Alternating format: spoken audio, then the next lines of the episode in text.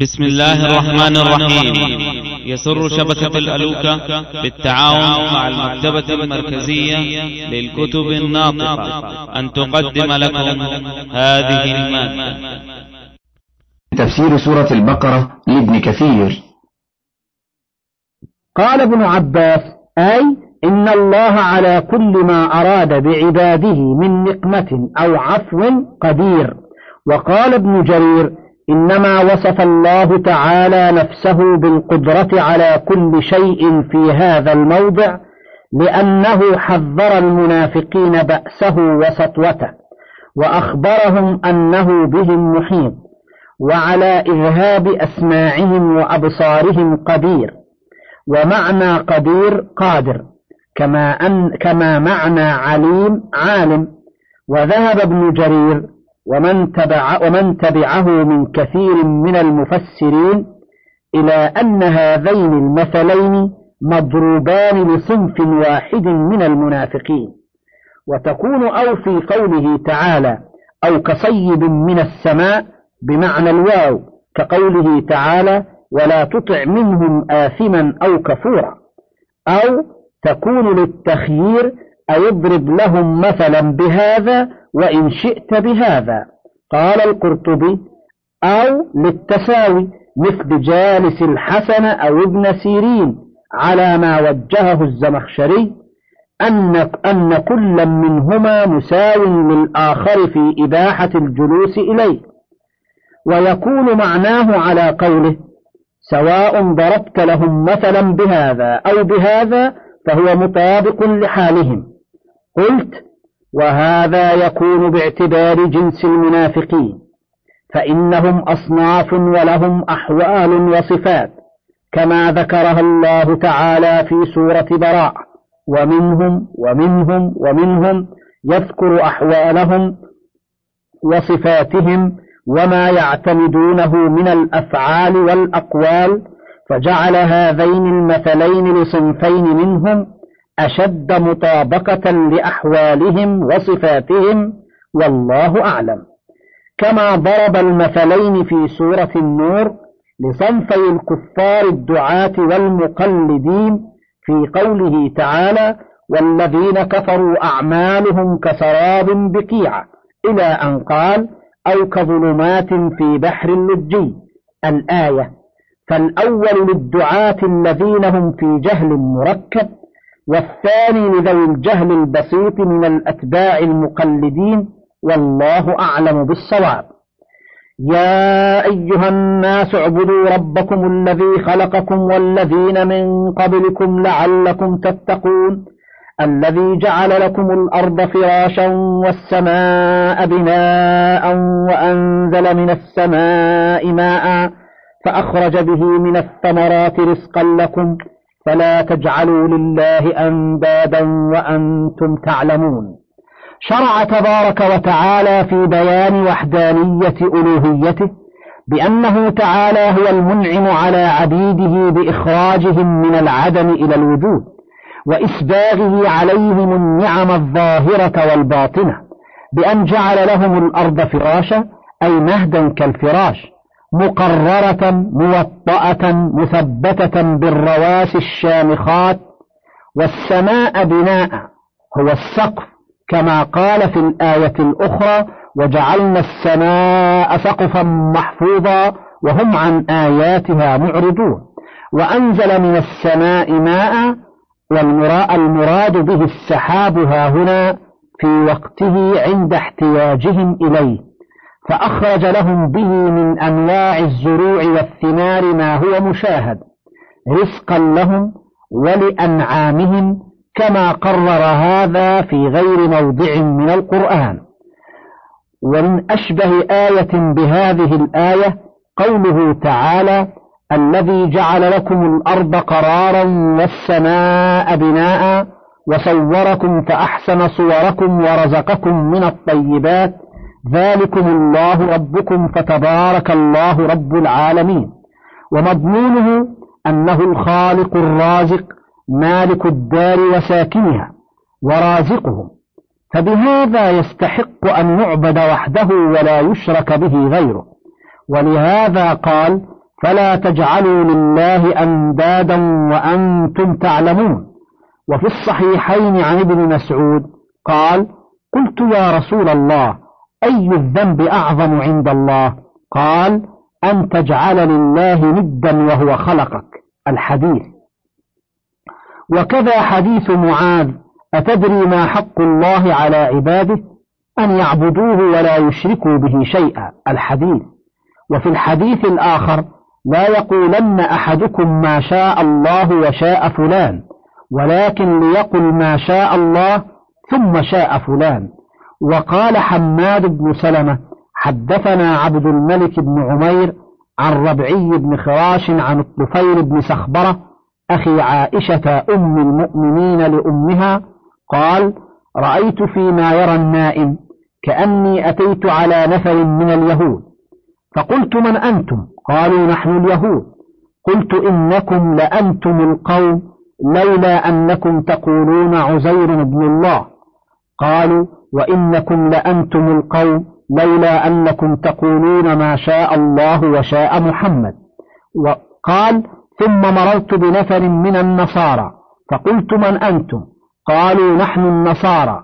قلت إنكم لأنتم القوم لولا أنكم تقولون المسيح ابن الله. قالوا وإنكم لأنتم القوم لولا أنكم تقولون ما شاء الله وشاء محمد. فلما أصبحت أخبرت بها من أخبرت ثم أتيت النبي صلى الله عليه وسلم فأخبرته فقال هل أخبرت بها أحدا؟ قلت نعم. فقام فحمد الله وأثنى عليه ثم قال أما بعد فإن طفيلا رأى رؤيا أخبر بها من أخبر منكم وإنكم قلتم كلمة كان يمنعني كذا وكذا أن أنهاكم عنها. فلا تقولوا ما شاء الله وشاء محمد ولكن قولوا ما شاء الله وحده. هكذا رواه ابن مردويه في تفسير هذه الآية من حديث حماد بن سلمة به. وأخرجه ابن ماجة من وجه آخر عن عبد الملك بن عمير به بنحوه. وقال سفيان بن سعيد الثوري عن الأجلح بن عبد الله الكندي عن يزيد بن الأصم عن ابن عباس قال قال رجل للنبي صلى الله عليه وآله وسلم ما شاء الله وما شئت. فقال أجعلتني لله ندا قل ما شاء الله وحده. رواه ابن مردويه وأخرجه النسائي وابن ماجة من حديث عيسى بن يونس عن الأجلح به. وهذا كله صيانة وحماية لجناب التوحيد والله أعلم. وقال محمد بن إسحاق حدثني محمد بن أبي محمد عن عكرمة أو سعيد بن جبير عن ابن عباس قال قال الله تعالى يا أيها الناس اعبدوا ربكم للفريقين جميعا من الكفار والمنافقين أي وحدوا ربكم الذي خلقكم والذين والذين من قبلكم وبه عن ابن عباس فلا تجعلوا لله أندادا وأنتم تعلمون. أي لا تشركوا بالله غيره من الأنداد التي لا تنفع ولا تضر. وأنتم تعلمون أنه لا رب لكم يرزقكم غيره. وقد علمتم أن الذي يدعوكم إليه الرسول صلى الله عليه وسلم من التوحيد هو الحق الذي لا شك فيه. وهكذا قال قتادة وقال ابن أبي حاتم حدثنا أحمد بن عمرو ابن أبي عاصم حدثنا أبو عمرو حدثنا أبو الضحاك بن مخلد أبو عاصم حدثنا شبيب بن بشر حدثنا عكرمة عن ابن عباس في قول الله عز وجل فلا تجعلوا لله أندادا.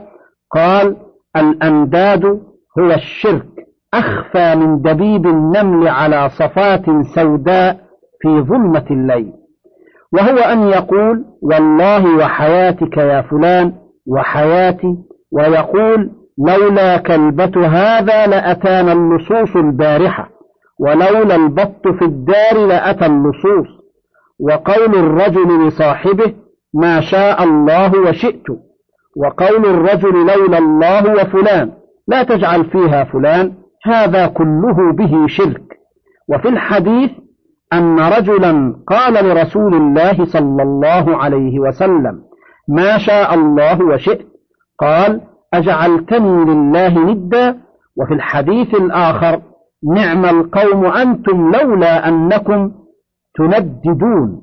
تقولون ما شاء الله وشاء فلان. قال أبو العالية فلا تجعلوا لله أندادا أي عدلاء شركاء.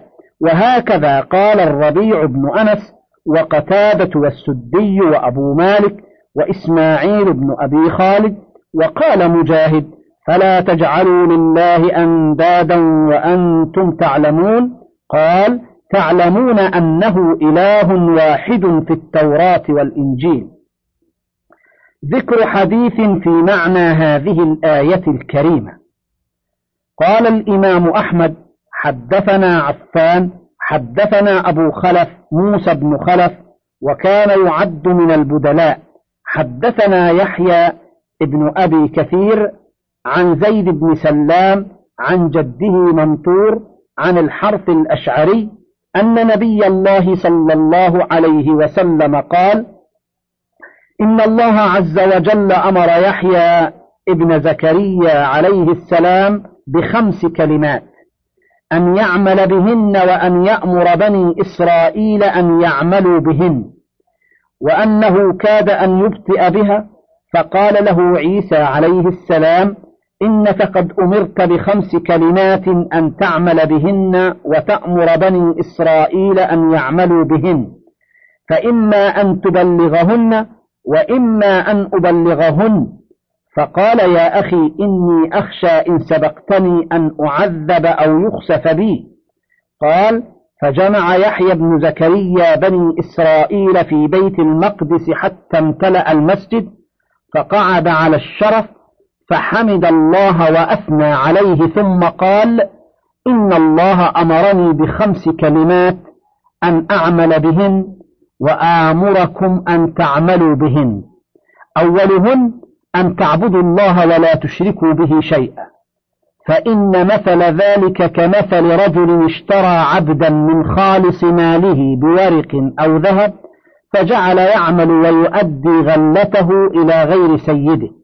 فأيكم يسره أن يكون عبده كذلك؟ وأن الله خلقكم ورزقكم فاعبدوه ولا تشركوا به شيئا. وأمركم بالصلاة فإن الله ينسب وجهه لوجه عبده ما لم يلتفت. فإذا صليتم فلا تلتفتوا.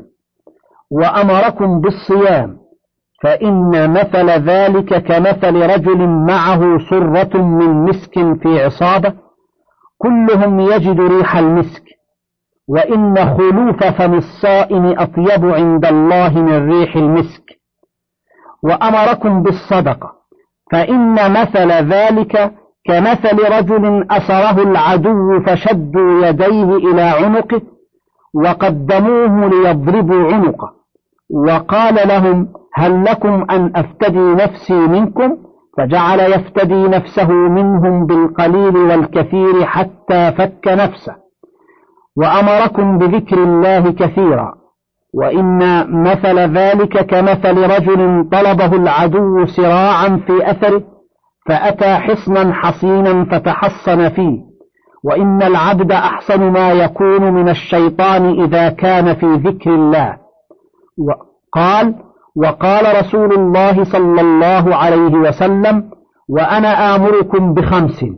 الله أمرني بهن الجماعة والسمع والطاعة والهجرة والجهاد في سبيل الله. فإنه من خرج من الجماعة قيد شبر فقد خلع ربقة الإسلام من عنقه إلا أن يراجع. ومن دعا بدعوى جاهلية فهو من جثي جهنم. قالوا يا رسول الله وإن صام وصلى؟ فقال وإن صلى وصام وزعم أنه مسلم. فادعوا المسلمين بأسمائهم على ما سماهم الله عز وجل المسلمين المؤمنين عباد الله. هذا حديث حسن والشاهد منه في هذه الآية قوله وإن الله خلقكم ورزقكم فاعبدوه ولا تشركوا به شيئا. وهذه الآية دالة على توحيده تعالى بالعبادة وحده لا شريك له. وقد استدل به كثير من المفسرين كالرازي وغيره على وجود الصانع تعالى. وهي دالة على ذلك بطريق الأولى. فإن من تأمل هذه الموجودات السفلية, السفلية والعلوية واختلاف أشكالها وألوانها وطباعها ومنافعها ووضعها في مواضع النفع بها محكمة علم قدرة خالقها وحكمته وعلمه وإتقانه وعظيم سلطانه كما قال بعض الأعراب وقد سئل ما الدليل على وجود الرب تعالى؟ فقال يا سبحان الله إن البعر ليدل على البعير وإن أثر الأقدام لتدل على المسير فسماء ذات أبراج وأرض ذات فجاج وبحار ذات أمواج ألا يدل ذلك على وجود اللطيف الخبير؟ وحكى الرازي عن الإمام مالك أن الرشيد سأله عن ذلك فاستدل له باختلاف اللغات والأصوات والنغمات. وعن أبي حنيفة أن بعض الزنادقة سألوه عن وجود الباري تعالى. فقال لهم دعوني فإني مفكر في أمر قد أخبرت عنه. ذكروا لي أن سفينة في البحر موقرة فيها أنواع من المتاجر.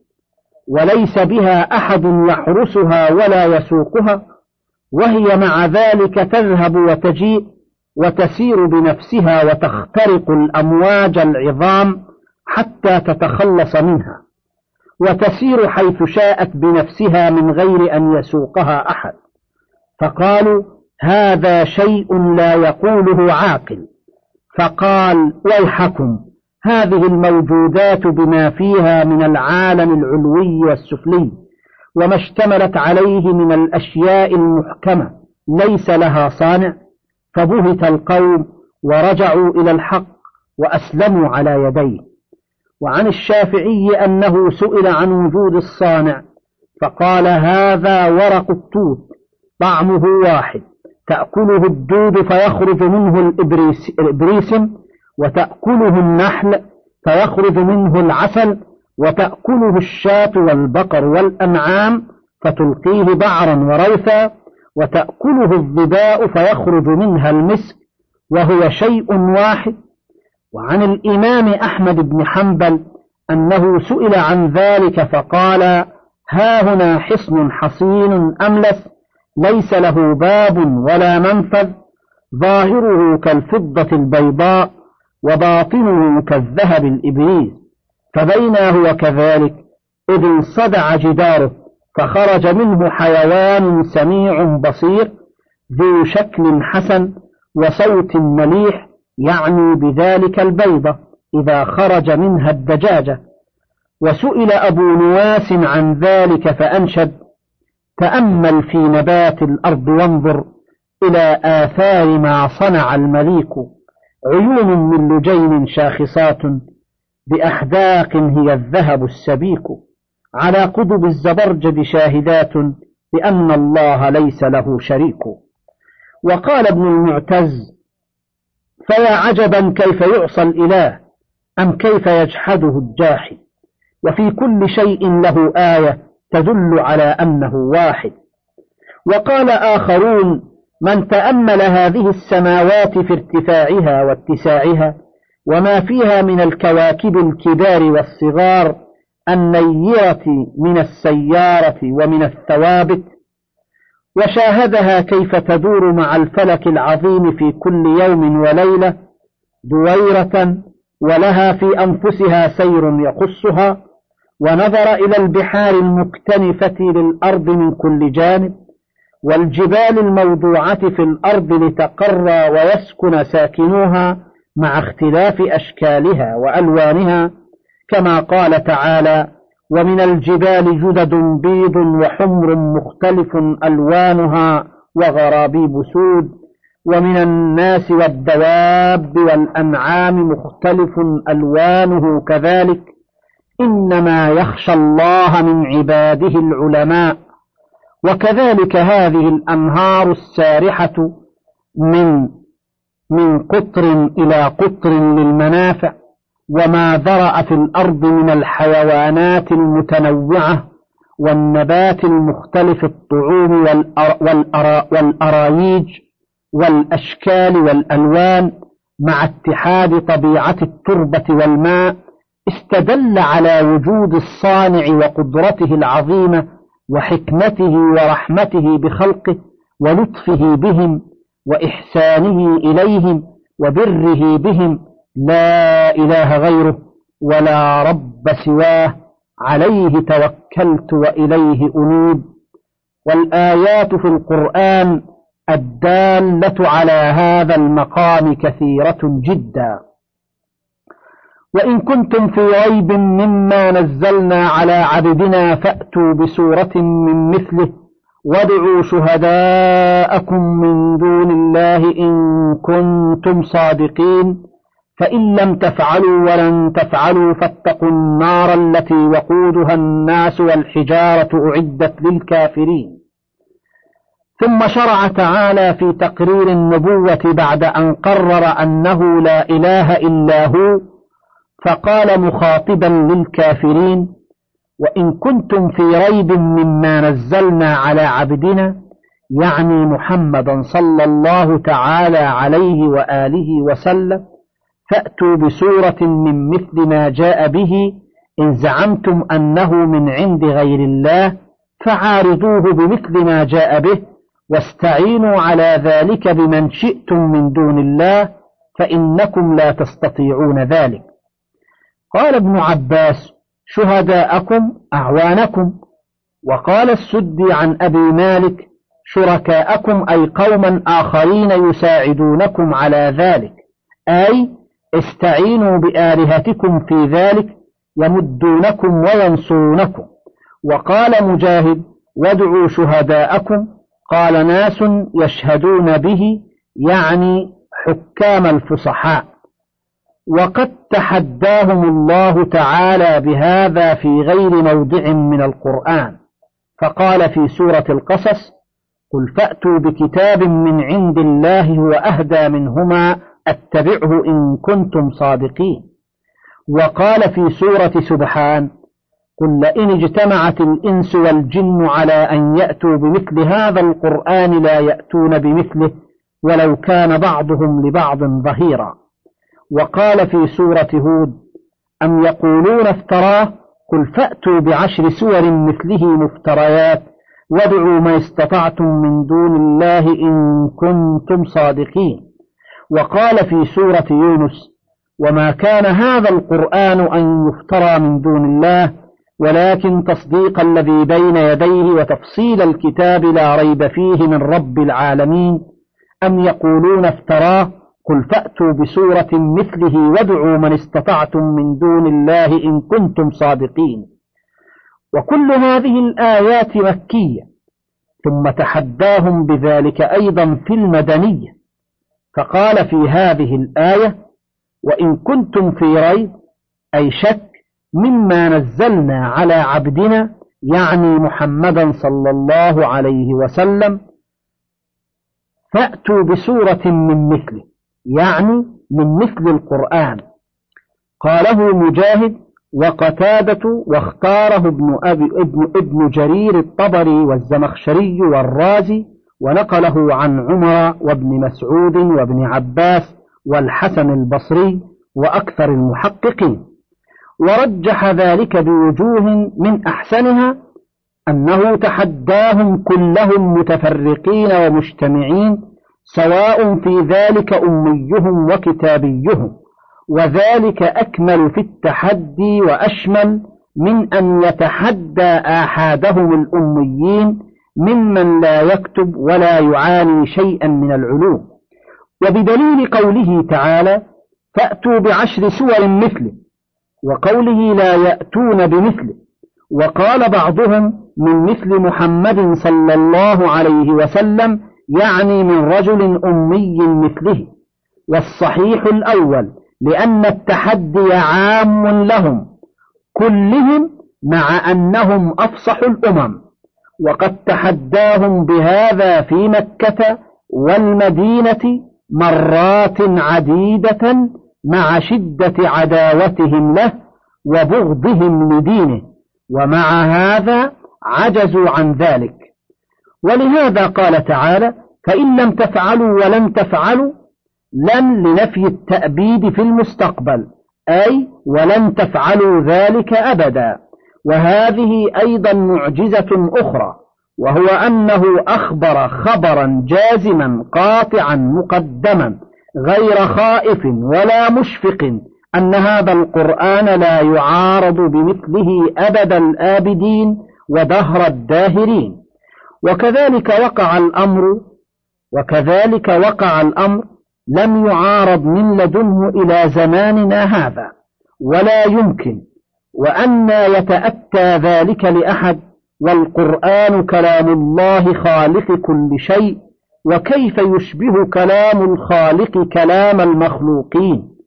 ومن تدبر القرآن وجد فيه من وجوه الإعجاز فنونا ظاهرة وخفية من حيث اللفظ ومن جهة المعنى.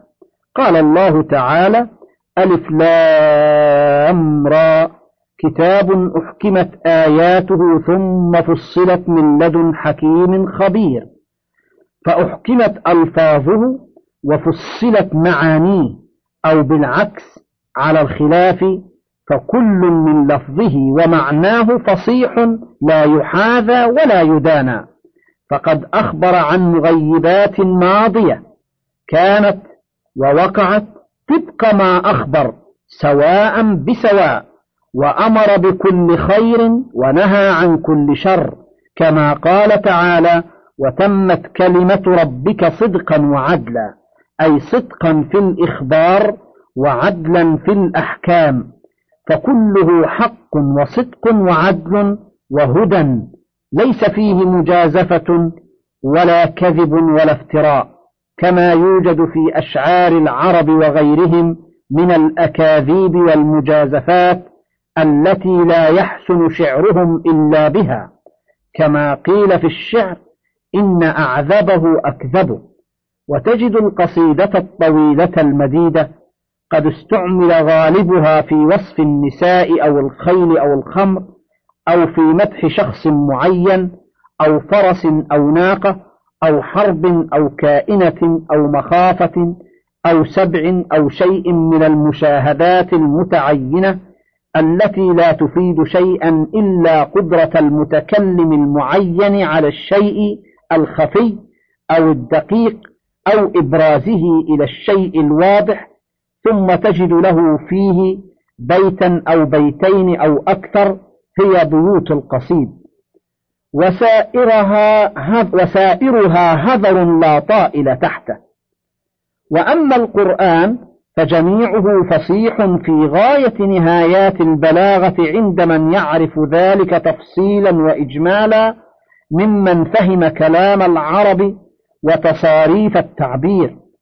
فإنه إن تأملت أخباره وجدتها في غاية الحلاوة سواء كان سواء كانت مبسوطة أو وجيزة وسواء تكررت أم لا وكلما تكررت حلا وعلا لا يخلق عن كثرة الرد ولا يمل منه العلماء وإن أخذ في الوعيد والتهديد جاء منه ما تقشعر منه الجبال السم الراسيات فما ظنك بالقلوب الفاهمات؟